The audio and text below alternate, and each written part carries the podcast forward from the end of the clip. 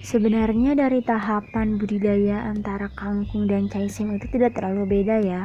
Tetapi mungkin sih memang di sini dalam e, persemaian itu menggunakan polybag berukuran 25 x 25 cm. Nah, dan pupuk yang digunakannya pun beda yaitu pupuk kandang e, domba.